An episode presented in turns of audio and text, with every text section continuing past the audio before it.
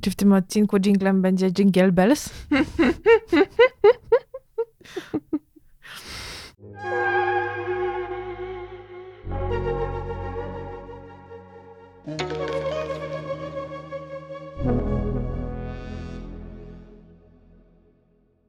Witamy w ostatnim odcinku w tym roku. Mm, jest nam trochę smutno, a trochę wesoło, bo już w tym wieku jesteśmy, kiedy każde w ogóle na horyzoncie wizja odpoczynku, chociaż przez kilka dni, jest jakimś niesamowitym skarbem, którego nie da się porównać absolutnie z niczym innym. Z premią roczną. No ja nie wiem, słuchaj, ja zostałam wyrzucona, no bez przesady, nie, nie będę używać takich słów, ale zostałam zachęcona do tego, aby mieć teraz blisko trzy tygodnie urlopu, bo jak się okazało, nie, za mało hojnie nim szafowałam latem, więc teraz mam ferie prawdziwe zimowe. Hojnie, hojnie wobec siebie. W ogóle tak sobie pomyślałam, że to jest takie słowo, które bardzo często e, właśnie funkcjonuje wobec innych i tak się zastanawiałam, komu mogłabyś oddać ten urlop. E, to byłby taki urlop, że niby masz urlop, ale jedziesz na misję gdzieś tam ratować Jak Aleksandra świat. Wiśniewska. Ja natomiast zamierzam nikomu nie oddawać mojego urlopu w najbliższym A co z czasie. nim zrobisz? Powiedz, powiedz, co z nim E, zrobisz? Będę po prostu grała w grę. Jak e, ten pan z mema, tylko bardziej. W tym roku wyszła nowa Zelda. Mm, Tears of Kingdom. Jest to wspaniała gra, na którą czekałam bardzo długo. Premiera się przeciągała niesamowicie. Mm, I już myślałam, że ta gra po prostu nigdy nie wyjdzie, jak nowy film Miyazakiego po prostu. I w tym samym roku otrzymałam dwa te prezenty od losu. I nowa Zelda. Możesz z nią grać całe życie po prostu. Ja nie wiem. Ja nawet tego nie wiem i ja nie chcę wiedzieć, bo bardzo różni ludzie często rozmawiają o różnych grach. Ja Mhm. wierzę, że to jest bardzo fajna gra ta Zelda, ale ja po prostu nie, nie chcę y, tutaj pożytkować swojego czasu na gry, skoro tyle lat od czasu, kiedy skończyłam grać w Mario na Pegasusie, udało mi się tego uniknąć. Rozumiem. To będzie sfera życia dla mnie zawsze z powitowalem tajemnicy, bo to już jest dla mnie wszystko za skomplikowane. Ja jestem jak taki, wiesz, ten dziadek, co tam w jaskini spał i wyszedł w 70 roku i y, nie wiedział, że się wojna skończyła. No takie już było dokładnie moje doświadczenie, kiedy zaczęłam grać e, w Zelda jako pierwszą moją grę w życiu w zasadzie. E, Po tych właśnie takich na Amiga Atari, na dyskietce. Grałyśmy w DOSie. tak. Ja- I grałam też w statki na kartce, nie? Ale mm, więc była to moja pierwsza gra i nic nie rozumiałam z tego. W związku z tym naprawdę jakieś masę czasu, za trzy miesiące zajęło mi pojęcie jakby podstawowych, załapanie takich podstawowych rzeczy, które ludzie wiedzą na wejściu, bo po prostu grają w inne gry, nie? Mhm. Czyli na przykład, że masz jakieś questy i że możesz po prostu przestawić sobie jak gdyby kartkę w tej grze. Mhm. Patrzę na mój notes i analogowa, mm, że możesz sobie przestawić kartkę w tej grze, na której to kartce jest napisane, jakie masz questy i że możesz je sobie na przykład, wiesz, tam są różne pomoce w tej grze, które ci ułatwiają śledzenie tych questów. Kto ci co powiedział na przykład, nie musisz pamiętać tego wszystkiego z zeszłego tygodnia. Jaka postać ci powiedziała, że co wisi nad którym niebem i że tam trzeba, e, kierując się na północ, e, spojrzeć w niebo, Mhm. nie musisz tego pamiętać, ani co więcej, nie musisz mieć notatek w zeszycie, co robiłam. No, ja, ja miałam notatki w zeszycie nawet jak w Mario grałam. Jak był ten ostatni quest, że się księżniczki już prawdziwej szukało, to zapisywałam, zapisywaliśmy z kuzynami na kartce tak e, z pietyzmem, w jaką rurę trzeba wejść i potem to wszystko chowaliśmy w książce pod tytułem jak hartowała się stal, bo miała taką czerwoną okładkę i była widoczna na półce. I kojarzyła się z rurą. Mm, Nie wiem, Stal, rura, nie? nie, po Dobra. prostu było czerwone. i- No, nieważne, słuchajcie, jesteśmy tutaj, żeby zrobić świąteczne Q&A. Nikt nas nie zapytał o gry niestety, więc zapytałyśmy same siebie. Y, You're welcome. To taki bo- bonus track. Więc Na Malina naszej poleca płycie. Zeldę, a ja polecam e, nic. Ty, ty, ty lubisz grać w życie po prostu. Aha, aha, nie wiem, dobra. the game called life. Starałam się z tego jakoś wybrnąć. Słuchajcie, bardzo Wam dziękujemy za pytania. E, spłynęło ich ogromnie dużo i wybrałyśmy takie, które mm, no, wydają nam się e, ciekawe dla e, dużej liczby osób. Były Lub takie- dla nas. lub dla nas, szczególnie dla nas. Powiedzmy sobie szczerze. Pytanie, które były ciekawe, myślimy, dla wąskiej takiej grupy e, takiej koneserów. Mhm. Na te pytania odpowiedziałyśmy w DM-ach. E, Więc no, ale tak. To zaczynamy? E, tak. Na, na głęboką wodę? A Tak, w ogóle w Zeldzie się tak super, tak można tak skakać na, na, łe, na łebka. Po prostu, Tak? bar, tak, bo jakby latasz pomiędzy światem nieba, ziemi i podziemi i możesz po prostu skoczyć z najwyższej, wiesz, Najwyższej komnaty, najwyższej z wieży. najwyższej półki i lecisz tak przez, A to jest fajne. Zawsze są bardzo fajne gry z lataniem. no. Ja miałam taką grę Piotruś Pan na komputerze i tam też ten Piotruś Pan latał i zbierał piórka. To też było spoko. Więc teraz e, wciskam kontroler R. R, kontroler. To jest moja ulubiona głoska, też nikt nie zapytał o moją ulubioną głoskę, też to powiem. jaka jest twoja ulubiona? Ja zapytam. Ja jestem ciekawa. Ry to jest twoja ulubiona głoska? R, ale też jak już zajmowałam się e, naukowo klasyfikacją głosek, to bardzo polubiłam głoskę L. Aha, bo jest prawie... R i L to jest prawie to samo. Tak, to jest prawie to samo. I one obie razem stanowią dla mnie właśnie taką grupę, że z jednej strony to jest taki love-hate li- relationship, relation. Każde słowo po angielsku, które ma zarówno R i L jest dla mnie po prostu masakrą do wypowiedzenia. E, Rely Mhm. on this relationship. Relationship. E, uwielbiam te głoski, bo są dziwne. A czemu są dziwne? Powiedz No tak bo to jest, to jest e, o, o, taka jedyna grupa w zasadzie, która jest właśnie taka drżąco, boczno. E, chodzi o to, że to powietrze wychodzi bokami Aha. chyba, L- No tak, bo przód blokujesz, nie? bo przedblokujesz. Podobnie lubię też głoski nosowe MN, bo wtedy, wtedy mm, powietrze wychodzi nosem. Czyli ty Mm. lubisz takie różne głoski, które można mówić bardzo długo. L. Mm. Ale długo. już trudno, bo A- trzeba mieć bardzo wyćwiczony język. A są takie głoski, których tak nie powiesz absolutnie, no. E, To jak wszyscy wiemy, e, znaczy nie wiem, czy wszyscy, ty tak, ale nie wiem, czy wszyscy, że e, native speakerzy japońskiego, którzy uczą się języków obcych, mają często problem z rozróżnieniem R i L. Bardzo duży. I na przykład dowiedziałam się z przypadkiem zupełnym niedawno, że, w Pols- że po polsku absolutnym łamańcem językowym dla Japończyków jest tak miłe i niewinne słowo jak wróbel. Tak, ale też jak mają bardzo dużo w japońskim za, zapożyczeń e, z angielskiego, na przykład e, stół to Mhm. jest teiburu Aha, i bardzo często tam, gdzie w angielskim jest L, tam jest R po japońsku. Oni tego nie widzą, w sensie, dlaczego?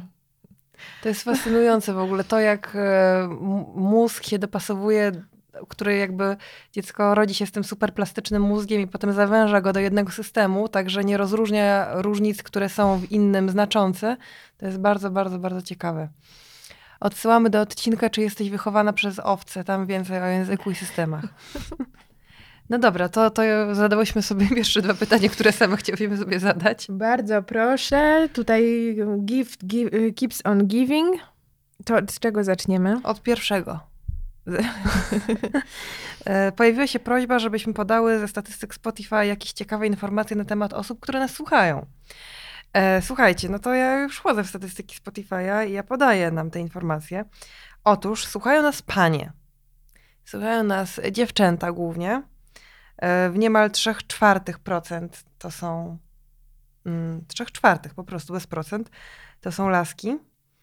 A ty się Mm. wycofałaś z y, pani na rzecz dziewcząt, dlatego że y, tak młode są to osoby? Czy... Tak, tak. E, Są to osoby młode. Naszą najbardziej e, chętnie słuchającą nas, wyobraź sobie, grupą wiekową są dziewczyny w wieku 23-27, potem Piękny wiek. 28-34, czyli nasza grupa wiekowa. Czy ja jak, czy ja? E, I potem 18-22. Słucha nas bardzo mało nastolatek. Bardzo mało. Mniej niż procent dziewcząt poniżej 18 roku życia, czyli to jest ewidentnie podcast dla dorosłych, o dorosłych sprawach. No nie, nie da się ukryć, że wiele razy poruszałyśmy tutaj tematy takie R-rated.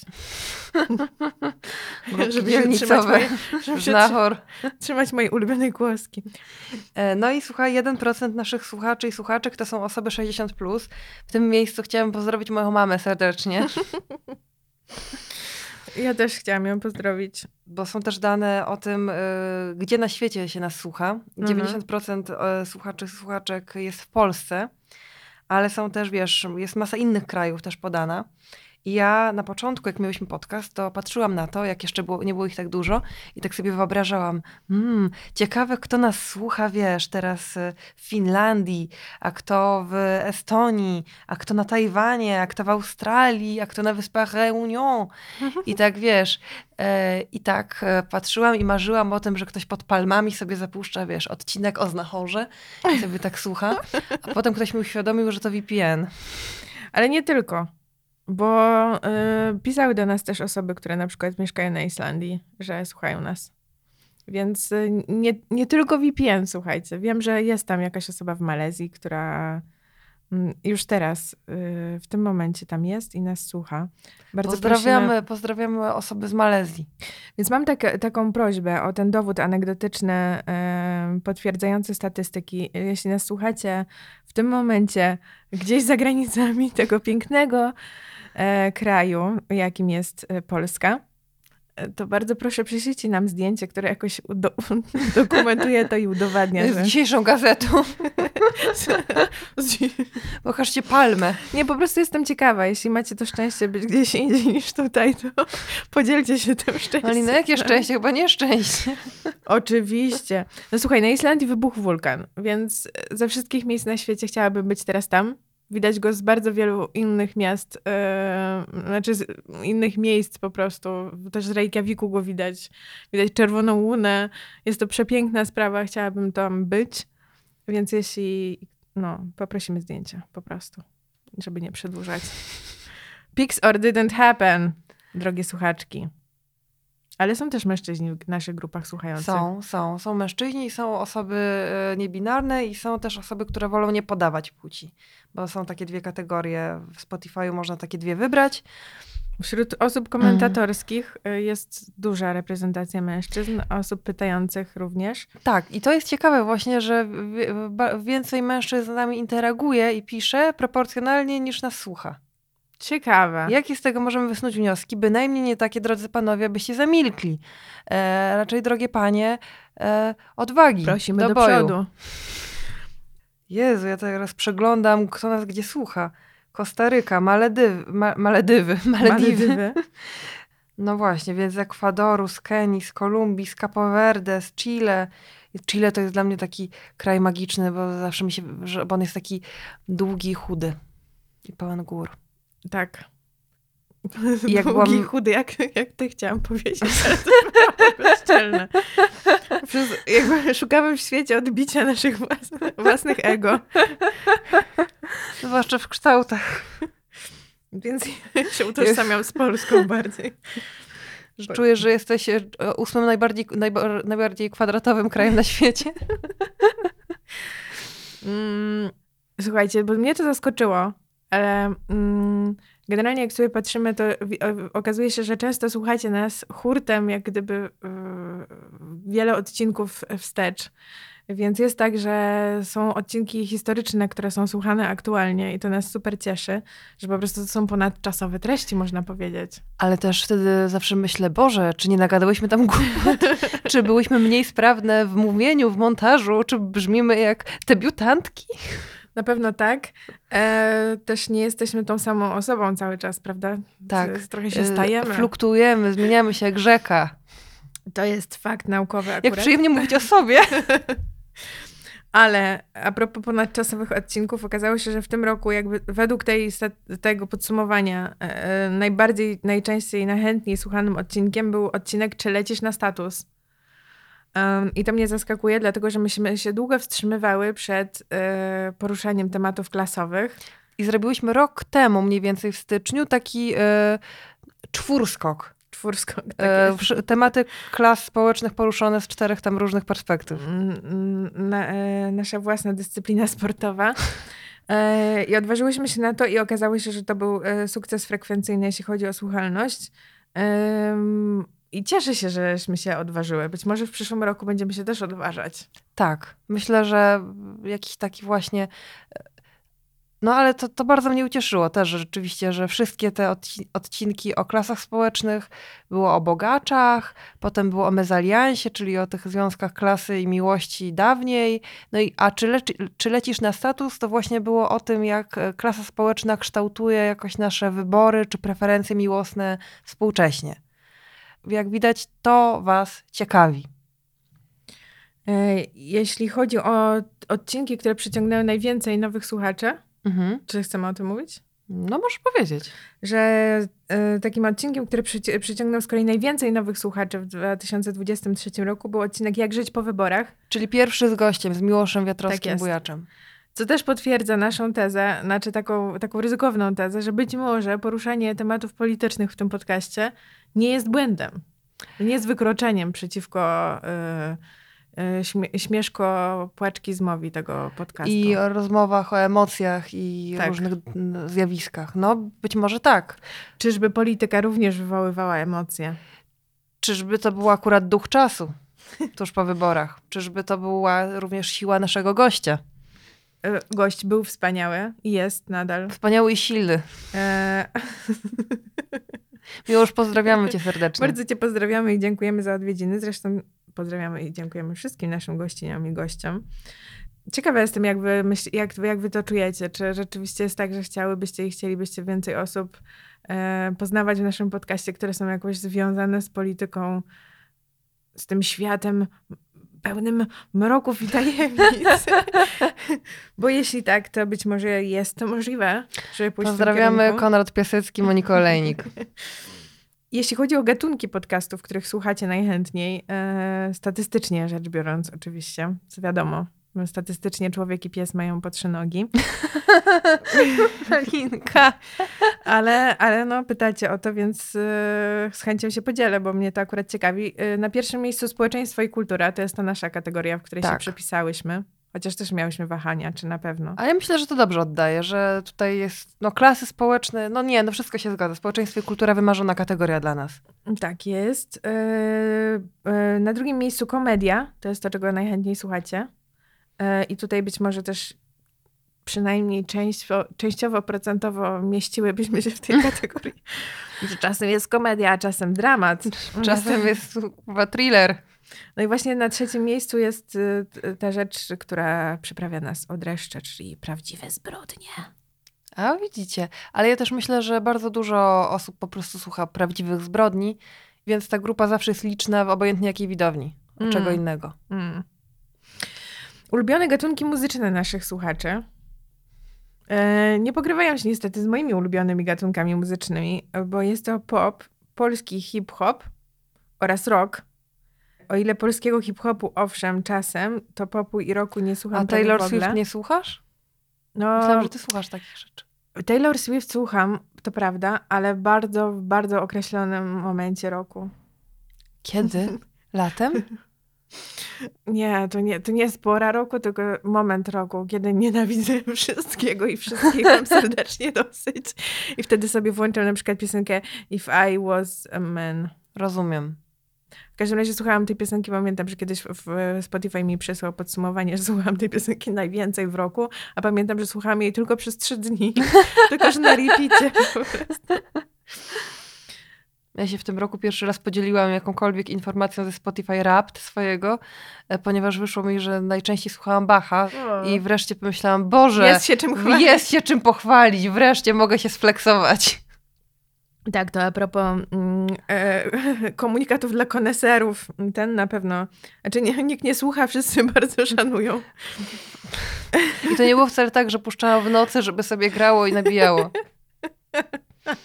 A można tak robić, podpowiadamy. Nie, sekret jest taki, że po prostu muzyka poważna się sprawdza doskonale jako muzyka tła po prostu i tak sobie pomyślałam, że padło pytanie o to, żeby powiedzieć ciekawostki o słuchaczkach i słuchaczach. Mhm. A ja zaczęłam płynnie mówić o, podca o podcaście, dlatego że te statystyki, od razu się wytłumaczę, one więcej mówią jak gdyby o tym, co się w podcaście wydarzyło, niż o samych osobach, które tego słuchają.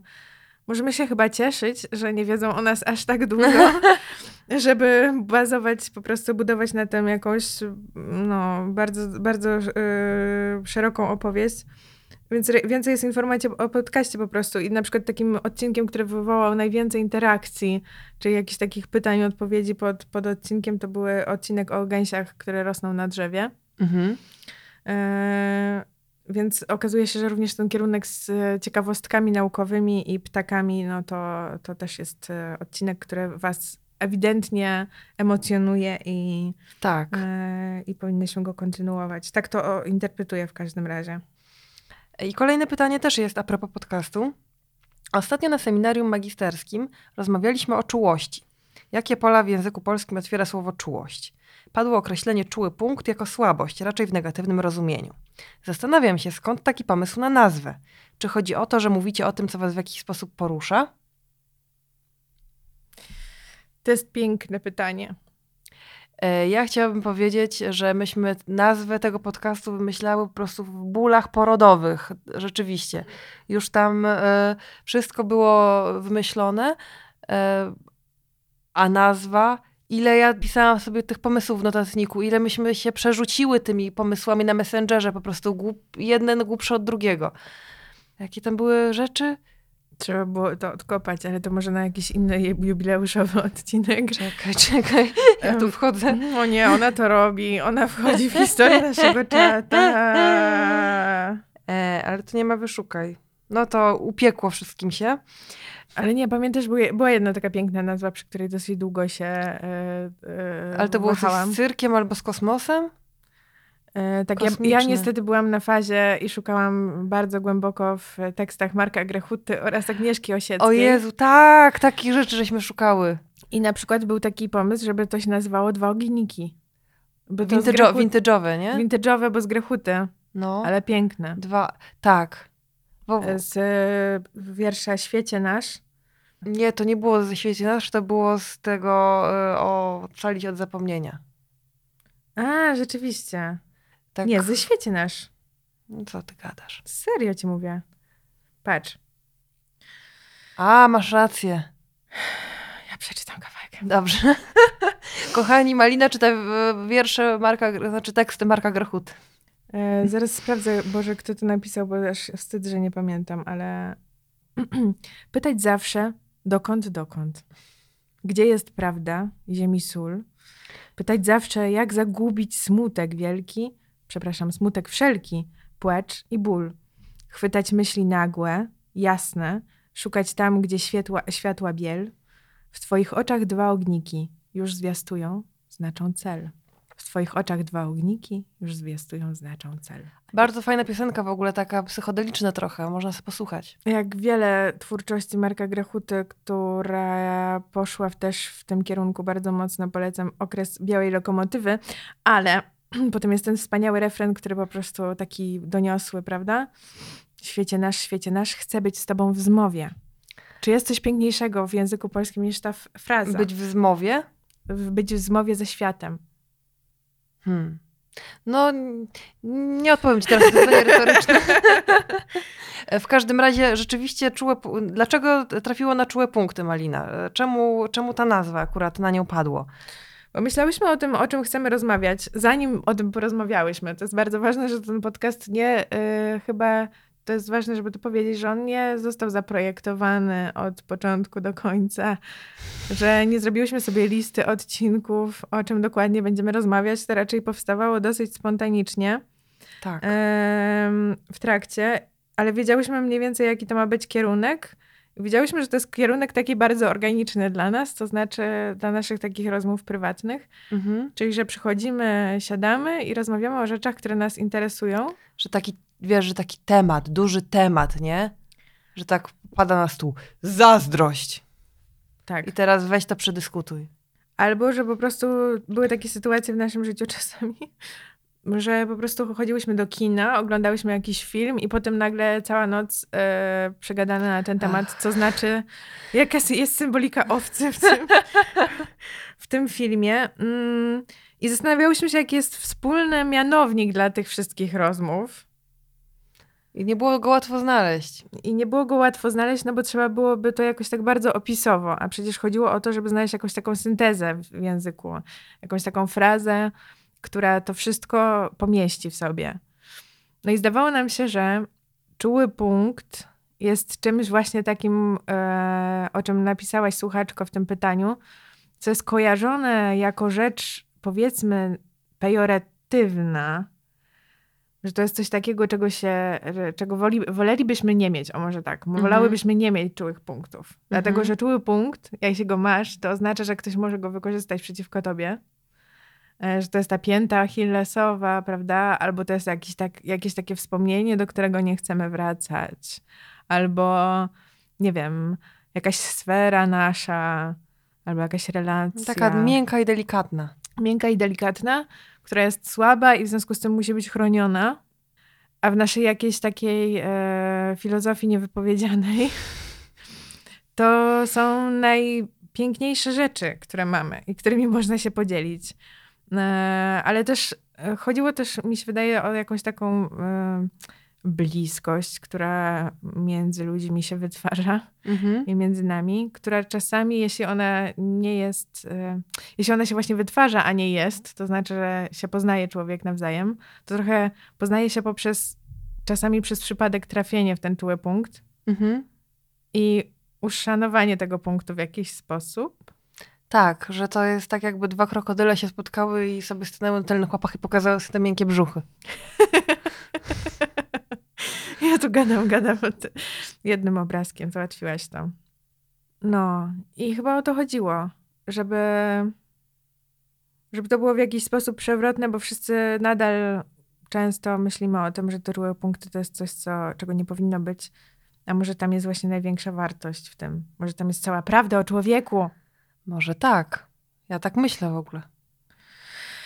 I w ogóle ostatnio czytam taką książkę, którą bardzo bym chciała Wam e, polecić, Tobie, Marto, ale również Wam, słuchaczki i słuchacze. I myślę, że to będzie w ogóle jakiś materiał na osobny odcinek, jak już ją przeczytam w całości. Mhm. E, ona się nazywa e, Człowiek, który pomylił swoją pracę z życiem. Aha. Napisała tę książkę Shragai Naomi. Mhm. Zakładam, że Naomi Shragai. I jest to książka, której bazowa teza jest taka, że ludzie generalnie mają taką trudność z oddzieleniem pracy od życia, pracy zawodowej od życia osobistego, ale nie taką m, polegającą na tym, że nie masz work-life balance, bo to nie, nie do końca o to chodzi. Mhm. Chodzi o to, że w każdych relacjach życiowych e, odtwarzają ci się takie schematy, które masz z domu, że trochę trudno jest od, jakby z tego, z tego uciec i, i tego uniknąć. I w związku z tym warto sobie, a propos naszego odcinka o kulturze terapeutycznej, e, warto się jakby zastanowić nad tym, w jaki sposób my funkcjonujemy w relacjach międzyludzkich, nie, nie tylko ze względu na to, że mamy jakiś problem, ale żeby po prostu to zobaczyć i się zastanowić, jak to rzutuje na nasze relacje z innymi osobami. Mhm. I tam był taki e, kawałeczek, e, który aż sobie zaznaczyłam, bo padła tam właśnie, zapożyczyli tytuł naszego podcastu do tej frazy. I tam cały długi rozdział jest podsumowany takim oto akapitem. Po dyskusji na ten temat pewna moja znajoma powiedziała mi kiedyś głosem pełnym frustracji. Strasznie trudno być człowiekiem, prawda? I ta autorka komentuje, ma rację. Wszyscy mamy swoje lęki, słabości i czułe punkty.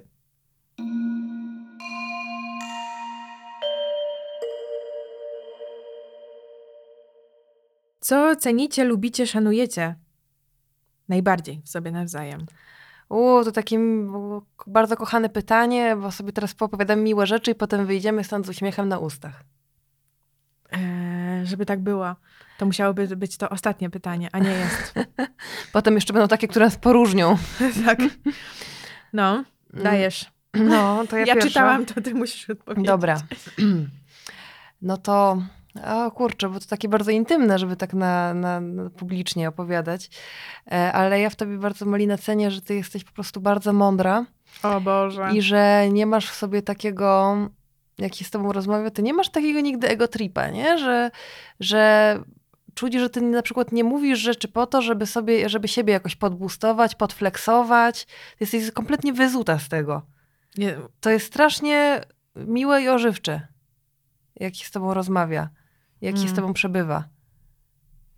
Że ty nie masz w ogóle takiego drive'u, żeby, żeby robić rzeczy po to, żeby z osobą, o, osoba, która z tobą przebywa, jakoś o tobie, nie wiem, lepiej myślała, czy żeby się jakoś, wiesz, podświadomie pod, podbudować, mam takie Mhm. wrażenie. No poza tym jesteś taka super, jako przyjaciółka oczywiście, wiesz, godna zaufania i taka, że wiem, że jesteś, nie? I to jest, to jest oczywiście super w tej relacji przyjacielskiej, to jest ultra ważne. No i też oczywiście wiem, że jak ci coś powiem, to, to nigdy, to to jak kamień w wodę. Już ni- nikt nie będzie żadnych tutaj oplotkowywania tego nigdzie. Głównie Mm. dlatego, że rozmawiam tylko z tobą i nie mam No nie, no ale, ale, ale strasznie, strasznie po prostu e, lubię w tobie tę tę właśnie bardzo dużą inteligencję połączoną z dowcipem, z jakąś po prostu też mądrością życiową e, i bez takiego właśnie, jakby to powiedzieć, bez popisu, nie? Mm. Ale to jest ciekawe, że tak to interpretujesz, bo inni mogą to interpretować jako po prostu brak skilli społecznych, umiejętności e, wykorzystywania swoich mocnych stron do tego, żeby coś tam, coś Teraz tam. już tak wszyscy wykorzystują te swoje mocne strony, że już bez przesady. Bo wykorzystujcie słabe. No więc ta moja cecha, że trochę nie umiem udawać, ma swoje jasne strony i bardzo mroczne. E, takie, że po prostu, no wiadomo. E, lwicą salonową to ja nie będę. Mm. Ani nie zrobię kariery w dyplomacji.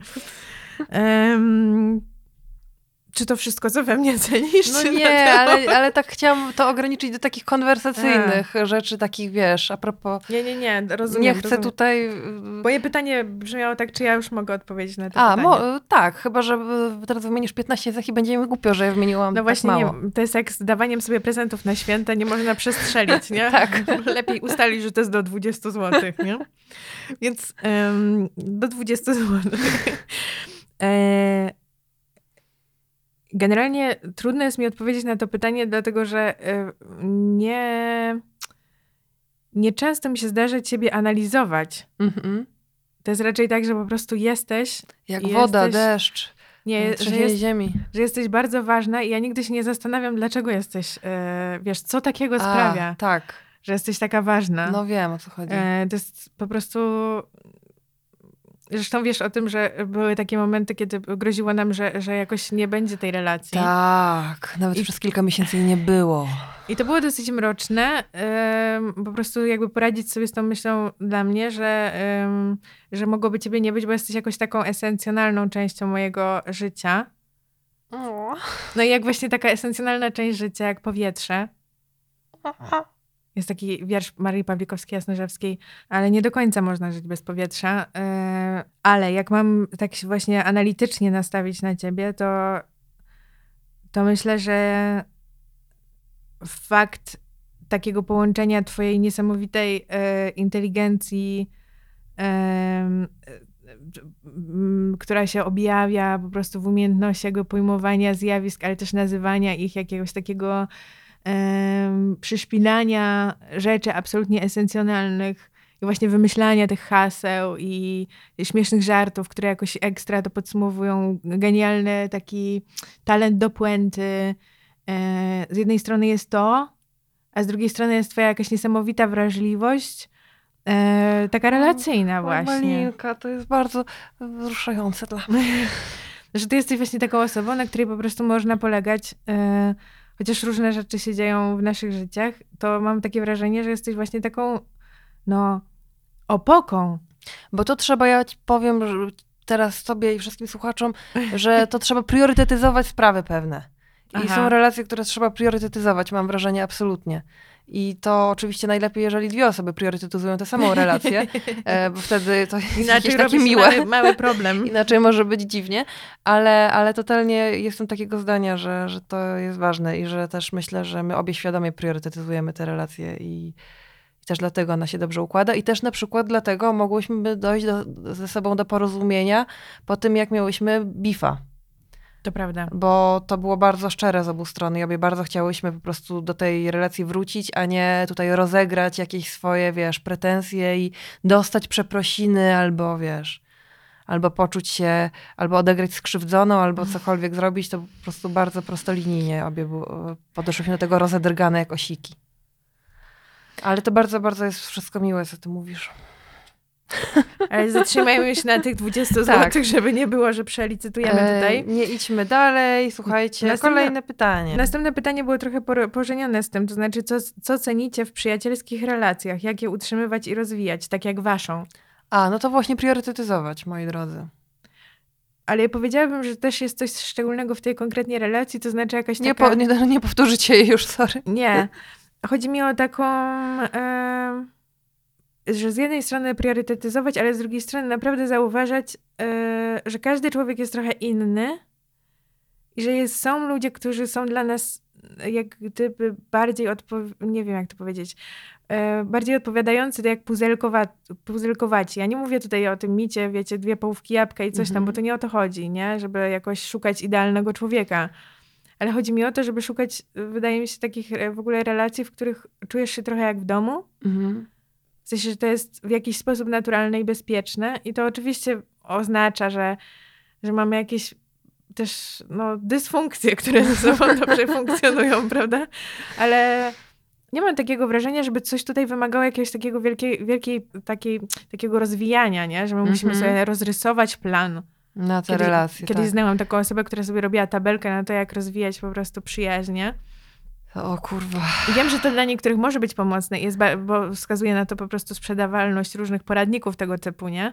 Więc dla niektórych na pewno może być to pomocne, ale ja jakby odwołuję się do tego, żeby trochę zaufać takiej intuicji swojej wewnętrznej i zastanowić się, jeśli ktoś akurat takiej osoby szuka i tego zdiagnozuje, że tego potrzebuje, a myślę, że każdy z nas potrzebuje, bo to z kolei pokazują badania, e, to żeby po prostu rozejrzeć się za osobami, które sprawiają, że czujesz się dobrze i bezpiecznie, a nie na przykład nieustannie cię challenge'ują i nie wiem, i puszują i sprawiają, że właśnie musisz coś udowadniać. Ciągle doskakiwać. Ciągle doskakiwać albo właśnie zabiegać, albo, bo to jest po prostu męczące najzwyczajniej w świecie. No tak, że, że jakby ten challenge, on może wynikać z tego, że się rozmawia o angażujących tematach, nie? A nie z tego, że to jest emocjonalnie e, challenge'ujące. Hmm. Plus myślę, że ważną cechą jest to, że o ile takiej, wiesz, dobrej przyjaźni, jest to, że o ile to poczucie komfortu, takiego relacyjnego poczucia, czucia się jak w domu jest ważne i jest super, to są też sytuacje, w której to takie poczucie własnego, idealnego komfortu warto trochę schować do kieszeni, w tym sensie, że na przykład, nie wiem, pamiętam początki nasze, naszej przyjaźni, e, kiedy ja przeżywałam burzliwy okres miłosny i na przykład polegało to na tym, że ja przychodziłam do ciebie do pracy i potem szliśmy na obiad do restauracji Kaskrut e, i potem siedziały... Boże, to była wspaniała restauracja. I potem siedziałyśmy, jadłyśmy jakieś tam po prostu niesamowite rzeczy z topinambura za 20 zł, bo to było dawno temu. E, I ja wyciągałam zeszyt, w którym siedziałam na okienku w buwie wcześniej i notowałam sobie, jakie mam problemy w swoich relacjach z chłopakami i ci to odczytywałam, a ty jadłaś tę zupę i mówiłaś, co myślisz i, i, i rozumiem, że to nie mogło być łatwe, ale zrobiłaś tę wspaniałą rzecz, że, że byłaś wyrozumiała dla moich dylematów i mimo, że na pewno przyjemniejsze byłoby dla ciebie porozmawiać za którymś razem może jednak o czymś innym. Więc e, no, więc myślę, że są takie, że po prostu, żeby też się nie dawać takiemu jakiemuś myśleniu, być może to jest kontrowersyjna opinia, że każda nasza interakcja w relacji musi być taka dla nas super, nie wiadomo jak odżywcza, czy nie wiadomo jak właśnie taka komfortowa i nie wiadomo jak wszystkie nasze akurat potrzeby muszą być w danej interakcji spełnione. To chodzi o to, żeby to się sumowało na przestrzeni czasu, czasem trochę bardziej y, se zabrać, czasem trochę bardziej se dać, nie? Tak. Ale nie sądzę, żeby był jeden, jedyny przepis na przyjaźń. I na pewno jak tego słuchacie teraz, to wam się pojawia wiele takich e, reakcji, jak często, jak często do, nas, do nas piszecie, że a nieprawda, u mnie to zupełnie inaczej. Więc bardzo prosimy, napiszcie, jak, jakie są wasze przepisy na przyjaźń. Myślę, że my, ponieważ to był pierwszy odcinek nasz w ogóle z całej, całej serii o przyjaźni, tak. to możemy po prostu nagrać jeszcze jeden nowy bazując na waszych e, zgodach i niezgodach z tym, co przed chwilą powiedziałyśmy. A teraz mhm. lecimy dalej? Tak. Gdybyście teraz zaczynały studia, to na jakie byście poszły? Uuu, fajne pytanie, nie? Fajne. Um. Niestety nie, nie wydarzy się to. Wiesz co, ja to, ja nawet nie wiem, bo ja tak nie żałuję tych swoich studiów. Uważam, że one były, że to spoko, tak. poszłam na tę lingwistykę. Tylko teraz mm, ja myślę, żebym była mm, taka, wiesz, e, teraz jak już dzieli mnie te 12 lat od początku studiów i nabrałam e, habitusu innego i wiesz, jakby to powiedzieć, żeby nie trzeba było wysłuchać czterech odcinków naszych klasach wcześniej, że tak jakby właśnie jakiej, jakiejś pewności siebie w świecie takim właśnie warszawskim, kurde, nie wiem, wiesz, że nagle, wiesz, intelektualni znajomi, którzy się wychowali w warszawskich rodzinach, też uświadamiają człowiekowi pewne rzeczy, tak. że na przykład można być bardziej pewną siebie przy wyborze studiów, mhm. e, to na przykład może bym zrobiła sobie jakieś takie studia, wiesz, międzywydziałowe, nie? Żebym sobie e, wzięła trochę tych języków obcych, ale też nie siedziałabym jak ta dupa na zajęciach z metodyki nauczania języka francuskiego, tylko zamiast tego bym sobie wzięła jakieś zajęcie z filozofii języka gdzie indziej, nie? Bym sobie to jakoś mhm. pożeniła tę lingwistykę właśnie z jakąś filozofią czy socjologią i to by było dopiero ciekawe. Tak. E, to jest podobny kierunek u mnie, to znaczy ja jak na koniec e, moich studiów e, i jak robiłam doktorat, odkryłam coś takiego jak socjologia literatury, to był to kierunek, w którym bardzo chciałam iść, ale to już było trochę za późno, jak gdyby, żeby, no, nie udało mi się tego doktoratu dokończyć i, no bo życie zawodowe, hello, ekonomia, potrzebujemy pieniędzy na życie. Ale tak, to był kierunek, który już czułam, że jest bardzo mój. Mhm. E, gdybym w ogóle miała się zajmować dalej literaturą, ale myślę sobie, że um, moje... Ale byś była no. dzisiaj modną profesorką, Malina. Ty byś miała, Kurde, wiadomo. Ty byś po prostu we wszystkich latała, po wszystkich e, wywiadach, programach, telewizjach, pięć wywiadów w Tygodniku Powszechnym, za każdym razem, jak wychodzi nowa chłopska książka, to ty tutaj na, na telefonie, na, na shortliście. No to a propos właśnie tych, e, wiesz... Um nieumiejętności pozycjonowania się e, w innym życiu, z innym zestawem skilli, na pewno byłabym właśnie tą osobą, ale też myślę sobie o innych potencjalnych życiach, w sensie, gdzie ja chciałam pójść, co ja chciałam robić, więc gdybym miała zrealizować w pełni swoje neurotyczne ego, mhm. to powinnam była się jednak dostać na te studia aktorskie. Mhm e, a przynajmniej cisnąć e, kolejny i kolejny raz, żeby w końcu za, za którymś razem się dostać. I wtedy mogłabym być właśnie spełnieniem tej swojej najgorszej takiej, wiesz, histrionicznej e, osobowości. Tak, że patrzcie na mnie tutaj. Jezu, ten blask, moje ciało. Wyobraziłam sobie ciebie w tym negatywie, taka wiesz, i Wilmalina, patrzcie na mnie. Moje gesty, mój głos. Dlaczego na mnie nie patrzysz, ty tam w trzecim o, rzędzie? Kochani, pozdrawiam wszystkie znajome aktorki aktorów. Ja e, wiem, że najlepsze aktorki zupełnie tego nie mają, ale chodzi mi o to, jak... Ale jak... pozdrawiamy wszystkie nasze znajome średnie aktorki. To, to, by, to tak by właśnie się manifestowała moja osobowość w tym zawodzie, mm -hmm. podejrzewam. E, chociaż nie wiadomo, no. Drugi taki poziom, e, drugi kierunek studiów, który by mnie skierował na poziom meta, to jest neurokognitywistyka i bardzo bym chciała e, Jakbym mm -hmm. teraz szła na studia studiować neurokognitywistykę, chociaż jest to bardzo długie słowo, e, zajmować się mózgiem mhm. i po mhm. prostu patrzeć, co z tym ego, jak to się dzieje, jak ludzie reagują na bodźce, jak reagują na przebodźcowanie, co robią. Wszystko to, o czym słyszycie w tym podcaście, studiowałabym i byłabym też właśnie taką panią profesorką która nigdy sama nie poszła na terapię, ale wszystko wie o mózgach innych osób. Więc to no i trzeci kierunek, y, który wydaje mi się y, najbardziej taki moralnie y, uzasadniony i najlepszy dla mnie jako osoby, która potrzebuje zdrowia własnego i spokoju, to jest botanika. O. Tak, powinnam. Hmm. Generalnie to jest jakby. Żebyś badała małe roślinki? Tak, albo wiesz, zoologia w specjalizacji ornitologicznej. Albo na przykład badanie e, dużych morskich ssaków. Tak. O, a no to teraz sobie też zaczęłam wyobrażać, że właśnie idziesz na jakąś zoologię i poświęcasz się badaniu właśnie jakichś takich bardzo ciekawych zwierząt, e, ale jeszcze nie wybrałam żadnego zwierzęcia dla siebie, ale właśnie jakichś takich, na przykład badanie słoni. No. I tym właśnie zajmowałabym się w alternatywnej rzeczywistości. Byłabym bardzo szczęśliwa, bardzo spokojna.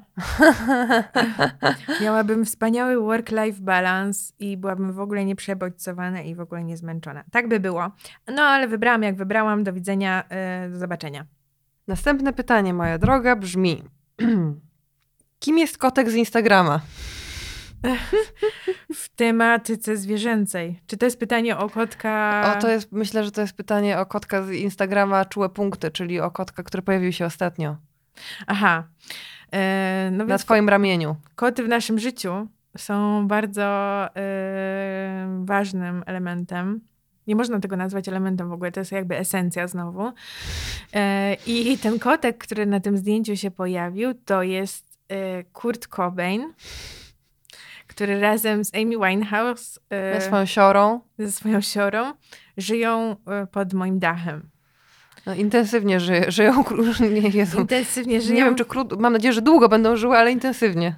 E, Żyją intensywnie. Są to koty, które zostały uratowane z bodaj ogródków działkowych. Znalazł je jakiś pan, który tam przychodził i wyciągnął je spod ula. Razem z Janis Joplin. Janis Joplin została przez fundację, która je odchowywała, oddana do mm, innego domu. Solo. Tak, solo występuje, dlatego, znaczy tam są inne koty. Chodziło o to, że ona była najbardziej z miotu taka rezolutna i najlepiej się nadawała jako No młody bo najstarsza. E, najlepiej się nadawała jako taki kot do, do, na dokocenie, tak to się Mhm. określa. Natomiast e, Amy była najsłabsza i wymagała wsparcia i razem z Kurtem tworzą wspaniały team. Bo ty, usłyszałaś, jeśli się nie mylę, że one to są takie pierdoły. To są takie pierdoły, ale jednocześnie bardzo dobrze wykonane, jak Magda powiedziała, oddając nam te koty. takie pancerne. A one w ogóle nie są pierdołowate, moim zdaniem. No, teraz już nie. Znaczy są trochę głupie, ale, Są, ale waleczne za to, jak Polacy. Mają wspaniałe, wspaniałe charaktery i myślę, że jeszcze wiele odsłon ich, z ich życia e, na Instagramie się pojawi. Jaki jest wasz ulubiony ptak i czy już go widziałyście? To Bo- pytanie do ciebie. No, trudno mi tu faworyzować, ale jeśli miałabym wybierać, to jest to e, maskonur. Maskonur, czyli to jest taki ptak e, duży, nielot. Mały, latający. To mi się pomylił. Z pingwinem. Nie. A pingwiny też mają takie dzioby, takie e, krągłe i pulchne? Czerwono-żółte? Czy to właśnie maskonur taki ma? Maskonur ma taki dziób e, krągły, e, pulchny być może, ale z takim, e, z takim kreskowaniem czerwono, czerwono No tak. I on lata? Ja myślałam, że on nie lata. Lata i to świetnie lata. A, On świetnie lata i poluje w wodzie na, e, znaczy może świetnie. On lata doskonale tak jak e, zimorodek jest taką strzałą tuż nad, e, nad taflą wody. Mhm. To maskonur też tak lata nad taflą wody, ale dużo bardziej tak Mhm. ale się- Że lata, tymi skrzydełkami. lata na duże odległości. Maskonury żyją w koloniach, Mhm. na skałach, w ziemiach mają norki pod, tuż pod Darnią. A gdzie one żyją? W jakich rejonach geograficznych? E, Na Islandii na przykład, e, na klifach. Czy w Chile też żyją? Nie, wydaje mi się. Ale to jest. Nie, bo akurat ptaki, generalnie półkula południowa i. Czekaj, półkula zachodnia i wschodnia mają trochę inne. Ptactwo? Tak. Mhm. No dobra. E, ale to jest do sprawdzenia, bo nie wiem, czy nie kłamię tutaj. Wydaje mi się, że ich tam nie ma, że są u nas na północy e, e, Europy. Widziałaś maskonurę? Tak, widziałam maskonura i też robiłam im zdjęcia ostatnie wakacje. Jeden taki maskonur siedział na kamieniu i długo, długo robiłam mu zdjęcia, więc jak przyjdzie w końcu te trzy dni urlopu do kupy razem, to w końcu ja obrobię te zdjęcia i wrzucę na Instagrama, żeby wam pokazać, jak piękny jest to ptak. A czy masz zdjęcie z maskonurem? Czy to jest trudne? E, nie, nie jest to trudne, ale musiałby ktoś mi robić zdjęcie. A, A ja robiłam zdjęcie. A, Rozumiem. bardzo możliwe, że jest takie zdjęcie, na którym widać, jak ja robię zdjęcie maskonurowi, więc. a, Ale nie, nigdy nie trzymałam maskonura w rękach. a jaki on jest duży? Mały, on jest taki. To musisz powiedzieć tak, taki mały? No, Ale to on jest taki kot. duży jak głośnik JBL mniej więcej. Albo jak mały kot, no. No, Albo jak taki mały termos. nieduży. Kubek jest. termiczny. O, Taki. Wyobraźcie go sobie teraz. Myślałam, że one są większe, jak pingwiny. Chodziło o to, że fotografia przyrodnicza ptaków szczególnie, ona bardzo zakrzywia rzeczywistość, dlatego że nigdy nie widzisz tego ptaka, Mhm. jeśli nie masz lunety nigdy nie widzisz tego ptaka w takim zbliżeniu, jak pokazuje to y, taki tele, teleobiektyw, nie? Że on tak bardzo mocno przybliża. Więc jak idziesz w przyrodę obserwować ptaki, nawet masz lornetkę super, to nie zobaczysz maskonura w takim przybliżeniu. Musiałby siedzieć bardzo, bardzo blisko ciebie. I to się zdarza, bo tam na klifach jak się chodzi, to można jakby je... Jak się położysz na klifie i spojrzysz w dół, to one czasami siedzą po prostu na tych półkach skalnych zaraz obok ciebie, jakby poniżej, nie? Mhm. Więc da się to zrobić. Ale generalnie, jak je widzisz tam latające gdzieś nad oceanem, no to, to są małe punkty. Małe, czułe punkty. To jest mój ulubiony ptak. A twój? Wiesz co, moja odpowiedź nie będzie tak uczona. Ja na przykład e, lubię sowy, dlatego że mnie śmieszy, że one są takie puchate i takie jak misio, takie jak, i tak robią śmieszne dźwięki puchacza, ale też mają te bardzo groźne miny. Tak. E, I że jednocześnie mają bardzo długie nogi, których nie widać, bo są zakryte tymi piórami. E, Wpiszcie nogi sowy w Google, jak nie widzieliście nigdy nóg sowy. Więc one są śmieszne i też mi się fajnie kojarzą, bo jak byłam mała, to na przykład jak mama mnie prowadziła do przedszkola i było jeszcze e, wcześnie rano, to były w Gdyni, tam gdzie mieszkałyśmy, takie właśnie sowy i one tak robiły uhu, uhu, jak je szły do tego przedszkola. Mhm. Więc to mi się tak całkiem spoko kojarzy. Lubię też pingwiny. e, Za tego pingwina u hercoga, który odszedł od stada i poszedł w O, kierunku nie. nicości. To jest najgorsza scena w historii kina w ogóle. Przypomniałaś mi o tym E, teraz. Damy ją w referencjach, kto nie zna. E, Na Instagramie naszym. E, No i też e, lubię na przykład ptaka mewa, bo on też mi się kojarzy z domem, bo dużo tam mew latało. I to jest na przykład fajne, że na Muranowie, gdzie teraz mieszkam, też bywają mewy. Więc to mi się podoba. Lubię, jak one skrzeczą, czuję się wtedy jak w domu. Więc wszystkie ptaki, o których mówię, odnoszę do siebie i swoich doświadczeń bardzo antropocentrycznie. Dobrze. Mm, wasze ulubione pierogi. O! Z zupełnie innej baśni teraz. E, e, ja lubię takie proste pierogi, e, które nie są bardzo często wszędzie dostępne, e, z takimi bardzo prostymi, tanimi składnikami w środku. Na przykład pierogi z soczewicy albo pierogi z kaszą bardzo lubię. Mm. Czyli takie pierogi e, w Podkarpackie. Beski- w Beskidach są takie pierogi, Tak. na przykład takie biedne pierogi. Super są pierogi z kaszą. Super są pierogi z kaszą, to prawda. E, Ja jestem generalnie pierogi z girl. Nie Mhm. wiem, jak to powiedzieć. Każde pierogi. Zapraszam. Proszę wysyłać we wszystkich ilościach. Tylko Uwiel- nie z mięskiem. No, z mięskiem nie, dziękuję. Ale na przykład uwielbiam też y, pierogi gruzińskie, te wszystkie cinkali i tak A, dalej. No tak, bo to jeszcze są te pierogi takie zagraniczne pierogi. I one często niestety już są z mięsem, ale są też wersje czasami wegetariańskie. Po prostu uwielbiam pierogi we wszelkiej postaci. Tam, gdzie jest mąka i farsz, Mhm. tam jestem ja szczęśliwa. E, jakie są wasze tak zwane guilty, guilty pleasures? Nie musi im towarzyszyć faktyczne poczucie winy. A wydawało mi się, że w definicji w ogóle guilty pleasures jest to, że to ci sprawia przyjemność, ale masz poczucie winy. Ale właśnie mam wrażenie, że od jakiegoś czasu to jest oddemoniz- oddemonizowywane, nie? Ale właśnie już ten świat jest taki pomieszany, już nigdy nie wiadomo, co jest czym. co, co budzi poczucie winy? Samo pleasures bez guilty? Możemy powiedzieć o tym, co nam sprawia największą przyjemność, ale to wtedy nie będą guilty Nie, pleasures. nie, chodzi o to, co. y, wydaje mi się, że obecnie guilty pleasures oznacza coś, co ty sama albo społeczeństwo traktuje jako na przykład rozrywkę, przyjemność gorszą niż taka, wiesz, optymalna. Suboptymalna rozrywka. Taka trochę y, zagłupia dla ciebie. No ja myślę, że już nikt wobec mnie nie ma takich oczekiwań. No, Malina, spójrz prawdzie w oczy. Spoglądam prawdzie w oczy, no... Właśnie spoglądasz swojemu złudzeniu w oczy teraz. Myśląc, że nikt po tobie nie ma oczekiwań. No, ja po prostu, ale to wiecie, o mnie to nie jest żadna tajemnica, że ja po prostu na maksa binge'u czuję Friendsów, ale też inne takie yy, ciepłe seriale, w których relacje są dobre. Wiem, że to jest w ogóle fenomen ogólnoświatowy, że ludzie w najtrudniejszych momentach, jeśli znają Friendsów, to ich oglądają sobie jako rzecz leczniczą żeby się wyciągnąć z poczucia bezsensu, beznadziei i zobaczyć, że jeszcze może być dobrze. Jest to serial, który jest po prostu. To jest arcydzieło, nawet jeśli ktoś uważa, że tam są różne niedociągnięcia, bo i ma rację, to to jest arcydzieło pod tym względem, że to jakby to jest psychologicznie istotna rzecz.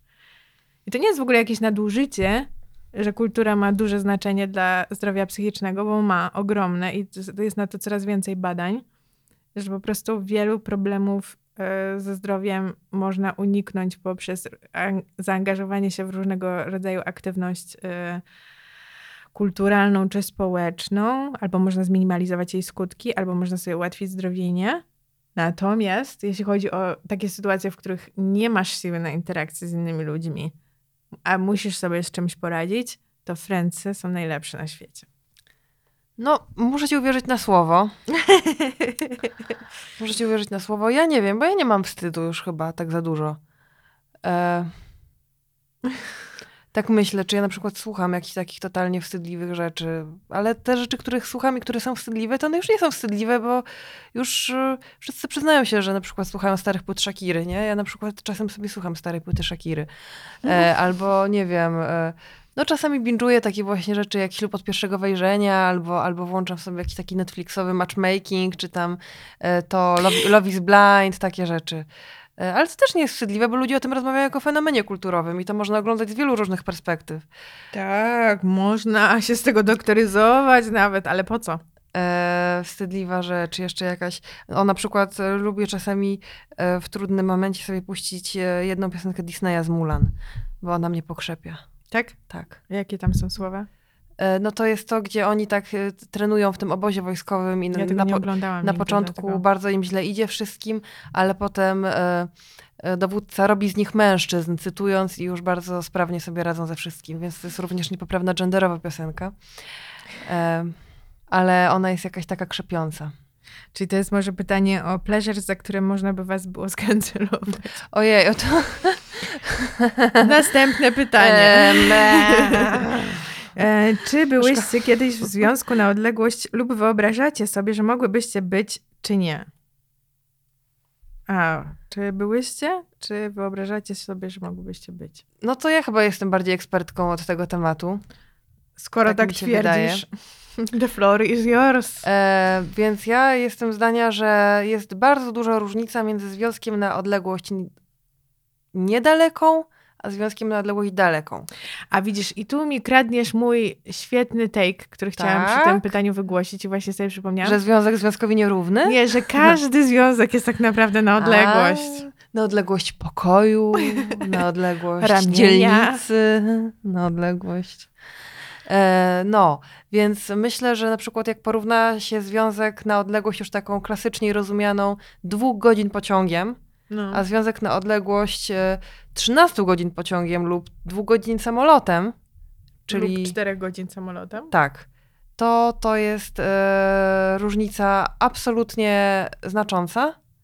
Myślę też, że e, związek na odległość jest o tyle, że o tyle one się od siebie różnią, mm, o ile osoby będące w tym związku y, mają taką wolność przemieszczania się, nie? No właśnie. Że to zupełnie inaczej wygląda, jak dwie osoby na przykład mogą przyjechać do siebie tylko na weekend i w tę niedzielę wieczorem muszą się już musowo rozstać, a, a inaczej to wygląda, jak masz bardziej wolny zawód, albo masz takie okresy w życiu, kiedy na chillu możesz sobie mieszkać dwa tygodnie w innym mieście i to jest w ogóle luz, y, albo wręcz praca cię tam wzywa, nie? A co innego, jak jedziesz na cały sezon do pracy sezonowej do innego kraju i wracasz dopiero jak to się skończy tak, na tak. do domu. Albo tak jak moi rodzice, kiedy na przykład, kiedy mój ojciec, y, który przez całe życie był marynarzem, wyjeżdża, to były jeszcze takie czasy, kiedy byłam mała, wyjeżdża na rejs półroczny, nie? I nie ma go od czerwca do grudnia. No to to jest już hardcore. E, ale tak, więc, więc rzeczywiście ten, zwią ten związek na odległość, związkowi na odległość nierówny i to ma również zalety niedoceniane. Taka relacja, w której rzeczywiście ten, ta odległość jest pokonywalna dość łatwo oraz... Y, są do tego oraz można jakby przebywać dość długo u drugiej osoby, to ma takie zalety, że jednocześnie trochę mieszkasz z kimś, bo na przykład mieszka się w jednym domu przez dłuższy czas, ale też zawsze masz tę swoją przestrzeń, tak. która jest y, niezakłócona jakby obecnością drugiej osoby i nie, nie, nie jest przestrzenią takich kompromisów y, nieustannych, nie? Więc nie dla każdego wszystko jest, ale jest to też okej. Okay. Moim take'u o tym, że każdy związek jest tak naprawdę na odległość, chodzi o zwrócenie uwagi na to, co kiedyś tam omawiałyśmy w którymś tam odcinku, że relacje to jest tak naprawdę jakby cykl kontaktu i braku kontaktu. Tak. I że bezpieczna relacja jest wtedy, kiedy jak gdyby w tej sytuacji braku kontaktu masz pewność i bezpieczeństwo i takie, takie wrażenie. I nie myślisz o tym, masz luz po prostu. Tak, masz nie? luz, że jak będzie ten kontakt, to jakby z powrotem wszystko będzie ok, jakby w tej relacji, Mhm. ale jest też ok w momencie, kiedy się nie widzimy. Jesteśmy Mhm. w osobnych pokojach, osobnych miastach, osobnych krajach. E, Każdy jest w swojej pracy, czy jakiejś nawet innej relacji osobistej. Mhm. E, I że trochę jak duży ten dystans może być, albo jak długo w tym dystansie można wytrwać, zależy trochę od indywidualnych potrzeb każdej osoby. To znaczy, jak często potrzebujesz być w tym kontakcie, w jakim potrzebujesz być kontakcie, czy to musi być kontakt fizyczny, czy to może być kontakt SMS-owo-telefoniczny. Jakby, no po prostu zależy od potrzeb. Więc bywa różnie. E, Życie jest... tak to jest. Tak to jest, moi drodzy. Zapraszamy do następnego pytania, które brzmi: Czemu Malina na grafice na zdjęciu profilowym jest blondynką? Czy to chodzi o zdjęcie? Właśnie nie wiem, czy to chodzi o. O obrazek nasz, O obrazek myślę. nasz. myślę. Mhm. E, to, to warto powiedzieć, że ten obrazek jest artystyczną, przypomnieć ten fakt, że ten obrazek jest artystyczną interpretacją naszych wizerunków autorstwa Anny Karoliny Kaczmarczyk, która jest e, wspaniałą artystką e, rysującą komiks, e, rysującą ilustracje, malującą przepiękne obrazy, a w życiu prywatnym naszą bardzo bliską przyjaciółką. I obraz ten rysowany był, znaczy ten rysunek, nie wiem czy teraz technicznie to poprawnie, ale ten rysunek, Rysunek kredkami był, rysunek no. kredkami był wykonany wieczorem w kuchni, gdzie było przygaszone światło i siedziałyśmy przy stole, więc być może być, e, musiałabym Anię zapytać, ale prawdopodobnie to jest tak, że to światło się tak układało, że akurat moje włosy były jaśniejsze, czy miały jaśniejsze refleksy niż twoje. Ale ja myślę, że po prostu cały ten komiks był rysowany jedną kredką, taką wielokolorową, A, e, więc e, trudno narysować jedną kredką szatynkę, nie? Tak. Że to ktoś może myśleć, że to są włosy brązowe, a ktoś, że to są włosy blond. Y, Jeśli ktoś chce zobaczyć, jak Ania interpretuje rzeczywistość, to bardzo zapraszamy na jej Instagram. Podlinkujemy też to w referencjach, żeby sobie zajrzeć. On się nazywa Tu byłam. Tam jest chyba podkreślnik między... Tu, tu podkreślnik byłam. E, Jak ja powiedziałaś, piękne kresowe L. Byłam. No bo tak mi się zdawało, że tak. Będzie wiadomo, że tu chodzi o eł. No i są tu super rzeczy, w sensie szkicowe. No, piękne. Dużo dobra. Zapraszam na profil Ani. Ania ma taką też taką rzecz, że na różnych wydarzeniach stawia maszynę po, do robienia portretów i tam Tak. siedzi i robi takie szybkie portrety, e, jak firma portretowa, tylko że maszyna. Budka taka jak Tak, to się nazywa Paranoid Polaroid yy, yy, i, i jest stylizowany na właśnie aparat Polaroid, który robi szybkie zdjęcia, a ona tam rysuje ludzi. Jest to wspaniała rzecz. Yy, A, jeszcze powiem jedno o tych moich włosach, bo rzadko mi się zdarza w ogóle dostawać pytanie o tę istotną część mojej osobo- osoby i osobowości, że one zmieniają kolor w zależności od pory roku. One bardzo płowieją na słońcu i się robią bardziej blond. yy, no. A teraz już w ogóle się robią bardziej srebrne. Z racji mojej mądrości. Tak. E, A jeszcze ja dopowiem, że e, to jest bardzo ciekawe. Jeżeli nikt was nigdy nie rysował albo nie malował, to bardzo jest intensywne doświadczenie bycie rysowanym albo malowanym. Bo widzisz wtedy, jak ktoś bardzo, bardzo intensywnie się w cie- w ciebie wpatruje. I to jest ciekawe. I polecam to doświadczenie. Wpatruję cie- się w ciebie nie w oczy, tylko patrzę na różne części na przykład twojej twarzy. I to jest jak, dziwne, tak płaszczyzny i cienie i tak wiesz. To nie, nie jest wyzute z romantyzmu, kochani. Chyba, że oczywiście nie ma być, to, to już wasza sprawa. Jakim owocem chciałaby być malina, gdyby nie była maliną? Oraz oczywiście druga prowadząca. Proszę, zacznij. Ale co ty, do ciebie jest główne pytanie. E, taki duży fokus na mnie. E, jakim owocem bym chciała być? Em, tu mi wchodzą jakieś takie w ogóle skojarzenia, słuchaj, bardzo, bardzo creepy, No. że jest trochę rodem z pachnidła, pozdrawiam ze Skinda, że chciałabym być takim owocem, który jest je, je, jedzony przez ptaki. Czyli na przykład gran... no, nie wiem, jaki owoc jest jedzony przez ptaki? No, ptaki jedzą bardzo dużo owoców, w sensie wiesz, no, czereśnie, A, tak, jabłka. e, Czereśnie, no, bo czereśnie są takimi. Aha. A czereśnie też bardzo lubię, bo w nich em, zawsze uwielbiałam jako dziecko oglądać czereśnie i wiśnie pod słońce, że one tak się, trochę są jak szklanka, jak galaretka. Aha. Są piękne. Lubię, lubię rzeczy interlucent, jak to się mówi po polsku? Takie, przez które można przezierać. Przezierne, o. O, Lubię róż, różno przezierne rzeczy. Uwielbiam patrzeć, jak się słońce odbija w wodzie i takie tam. A ty, jakim byś chciała być Mm. owocem? jabłkiem czempion. Czempionem w życiu i, i smaku. E, dobrze. Mm. Kim jest chłopak z okładki ten obcy? A, tu książkowe pytania wjeżdżają. Słuchajcie, nadal nie wiemy. E, tajemnica. E, E, Ale nie, nadal jakby szukamy go. To jest jeden z moich wielu, wielu nie, nieukończonych projektów, ale w alternatywnym życiu, kiedy będę detektywką, to napiszę do wydawnictwa i się dowiem, czy oni mają gdzieś w archiwach informacje o tym. Magdalena Malińska, Fundacja Itaka. Boże.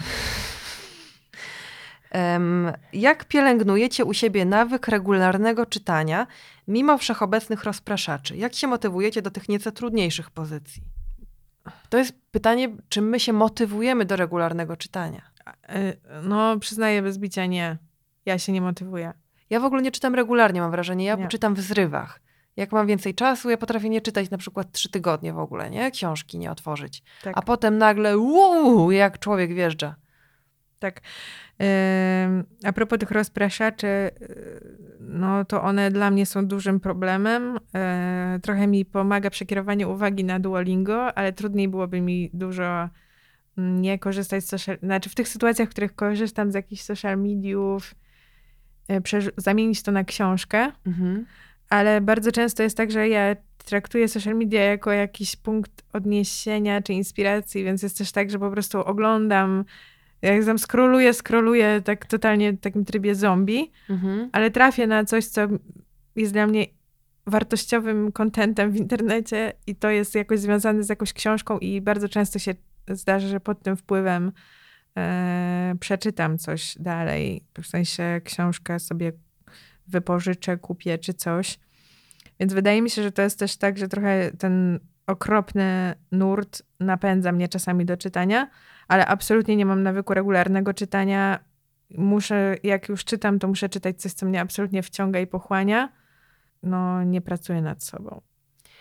Ja mam, ja też nie pracuję nad sobą w tym względzie. Em, raczej, jeżeli coś zauważyłam, to takie, że, mam ta, że ja w ogóle e, bardzo często żyję, wykonuję różne zadania w trybie flow, to znaczy trudno mi się jest na początku w coś wkręcić i oczy mi latają na wszystkie strony i mu, musi minąć, nie wiem, chwila, zanim na przykład wkręcę się totalnie, nie wiem, w pisanie tekstu, który akurat mam napisać i już mnie nic nie obchodzi, albo nie wiem, sprzątanie, albo, e, albo w czytanie właśnie i wtedy już mogę lecieć e, godzinami i to jest okej. Więc muszę przewalczyć tak na początku tę chęć, żeby a zobaczyć, co tam na przykład na nowej aplikacji Freds, e, która, która bardzo mi się podoba. Zachęcam do dołączania. Ja już tam mam konto i piszę różne e, myśli przeróżne. A co to jest za aplikacja? Taka przybudówka do Instagrama, która mechanikę ma jak Twitter, Aha. że też się pisze wiadomości y, głównie tekstowe, które są ograniczone y, co do liczby znaków i można na nie odpowiadać i szerować.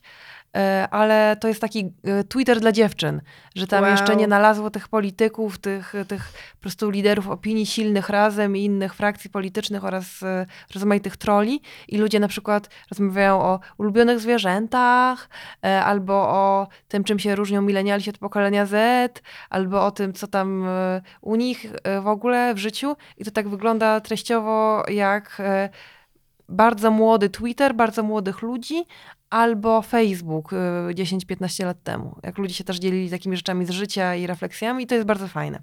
Taki girl Twitter.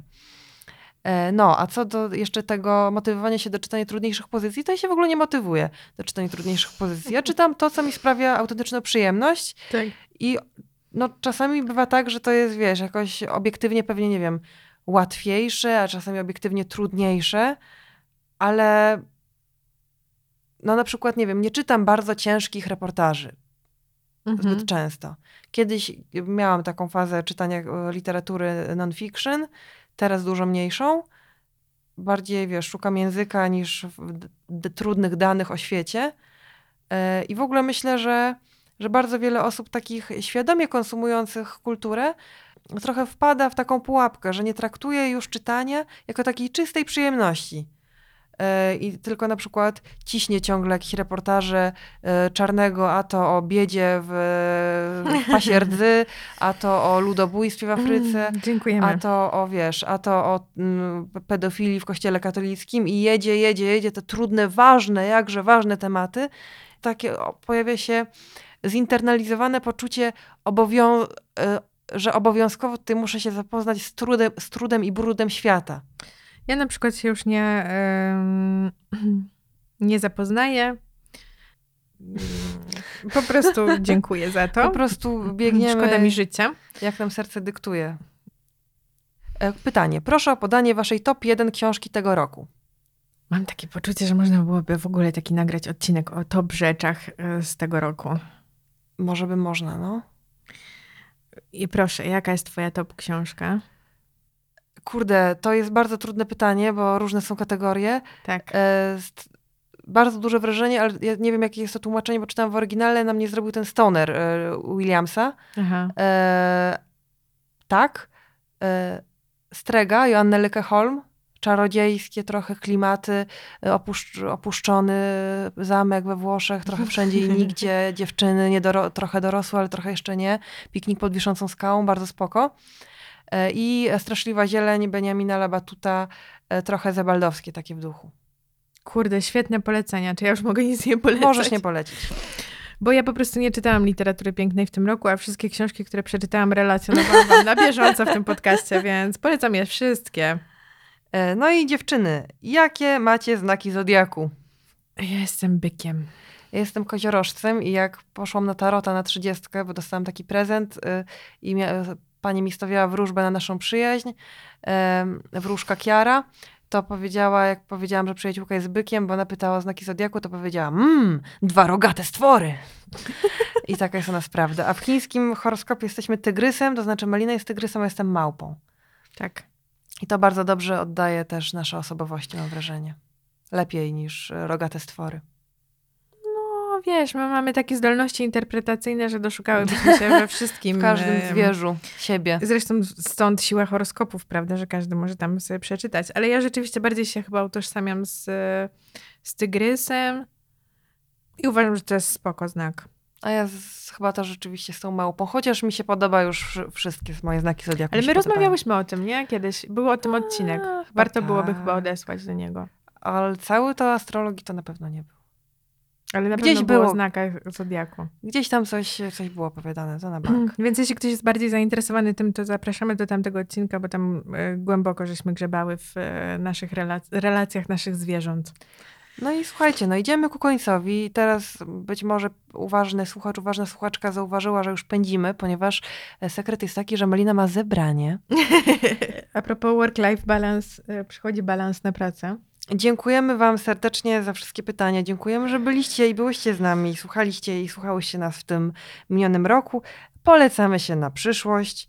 Dziękujemy serdecznie naszym e, imiennym matronkom i patronom, a są to Magda Płockę, Wojciech Kur, Michał PP, Maciej S., Ciasteczko Imbirowe, Katarzyna Kowalska oraz Łukasz Maciejewski.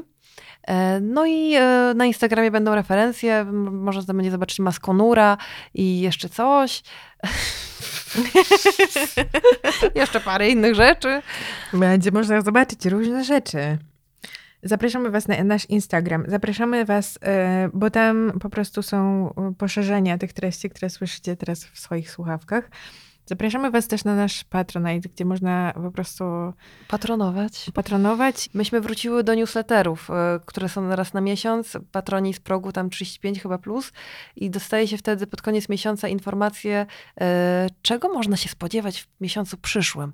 Uchylamy rąbka tajemnicy co do gości, co do tematów. Yy, bo w przyszłym roku znowuż czekają Was, yy, no właśnie, I gości, i odcinki we dwie, takie jak teraz. I, i odcinki o naszych socjologicznych rozkminach, i odcinki o polityce, i odcinki o emocjach. i o morskich ssakach, e, i o, i o wszystkim, czego nasza dusza akurat zapragnie. No więc co, no już nie będziemy przedłużać. Spotykamy się w przyszłym roku. Ferie zimowe przed nami. Dobrego Sylwestra. e, Oddajcie rodzinie co rodzinne, e, zabawie co zabawowe. E, odpocznijcie. Pamiętajcie, tych dni między świętami a Sylwestrem nie ma, to jest bezczas, nikt wtedy was nie kontroluje. Pa, pa! Pa, pa.